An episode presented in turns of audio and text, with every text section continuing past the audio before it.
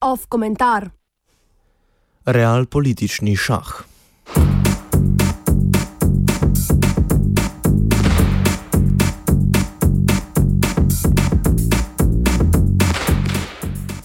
Pričetkom aktivnega vojaškega posredovanja Ruske federacije v Siriji, za razliko od pasivne podpore zadnjih let, se pričenja novo poglavje v kaosu, znanim tudi kot Bližnji vzhod.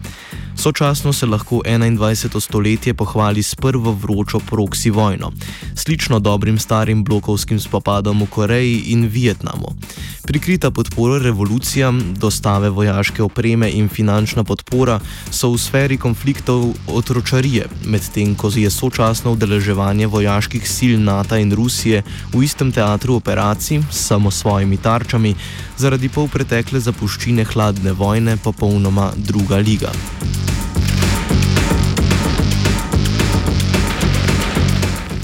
Kalvarija Bližnjega vzhoda ni le Sirija, niti zgolj Irak ali Afganistan, temveč je unikaten produkt 21. stoletja, ki se mu stežka najde zgodovinske primerjave.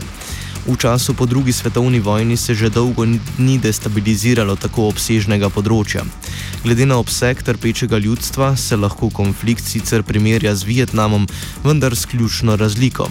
Spopad v Vietnamu je bil vsaj na ideološki ravni ekipen šport, medtem ko smo tokrat priča prepletu množstva različnih interesov, izhajajočih iz regije, kakor tudi umešavanja izven regionalnih akterjev. Ne more se govoriti o team deathmatchu med dvema strogo ločenima blokoma, temveč asimetričnem free for all, kjer so zavezništva pragmatična, sodelujoči akteri pa izhajajo iz državnih struktur, ljudskih gibanj, socialne stiske, osamosvojitvenih stremen, radikalnih iluzij na podlagi veroizpovedi ter imperialnega in lokalnega začrtavanja interesnih sfer. Posledično je tudi zapuščina nepredvidljiva, od, teroriz od terorizma do ustanavljanja kalifatov in begunske krize v Evropi.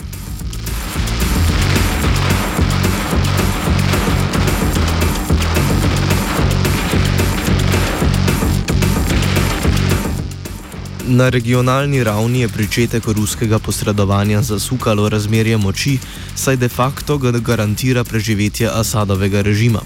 Slednje bi se lahko opredelilo kot glavno ideološko nesoglasje z ameriškim taborom, ki zahteva njegov brezpogojen odstop.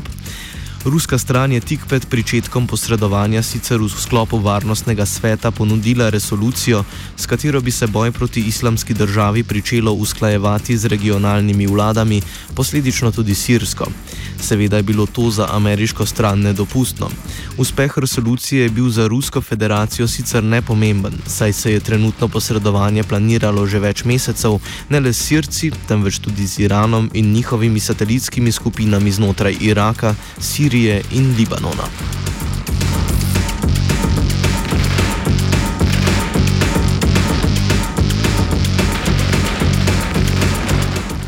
Rusija svoj pogled argumentira kot realpolitik. Slaba oblast je še vedno boljša od brezvladja. Obenem ne zavrača možnosti političnega dialoga o sirski prihodnosti, dokler Asadov odstop ni izhodiščna zahteva. Zahodna interesna sfera in z njene strani podprta zmerna opozicija ima na papirju sicer demokratične načrte za post-asadsko Sirijo. Po drugi strani na kvaliteto zahodnih demokratizacij kaže iraška zapuščina.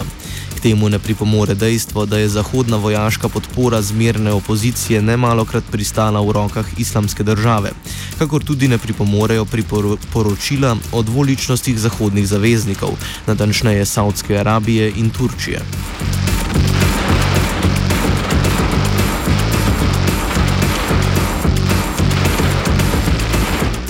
Ne glede na vso propagando, ruska stran napada tako opozicijske tarče, kot tudi tarče ISIL-a. Razlika je le, da se prek napadov in slabljenja zmerne opozicije Zahod sili v pad položaj. Če opozicija podleže popolnoma, bo na mizi ostala le še izbira med Asadom in ISIL-om. Slednje je pogodu rusko-sirski strani, saj bodo v tem primeru preprosto nadaljevali s posredovanjem proti islamski državi. Po drugi strani je na potezi zahodna stran, ki lahko popusti in prične iskati dialog s sirskim režimom, v katerega bi se trenutno še lahko vključilo tudi zmerno opozicijo.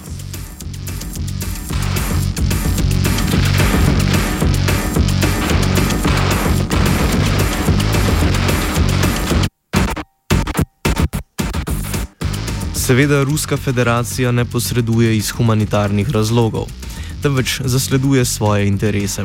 Med ključnimi je vojaško pristanišče v sirskem mestu Tartus, eno izmed dveh ruskih toplovodnih pomorskih baz. Druga se nahaja na polnovni ruski grudi oziroma obali Krima. Rusija naj bi prav tako začela s črpanjem oglikovodikovih goriv, najdenih pred sirsko obalo, s preživetjem Asadovega režima pa se torpedirajo načrti naftovodov iz zalivskih držav do Evrope.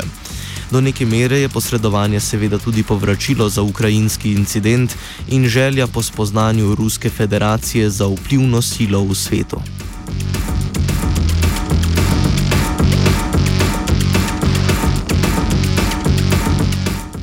Zametki pragmatizma se kažejo tudi na evropski strani, ki najbolj občuti posledice sledenja anglosaškim vojaškim ekspedicijam.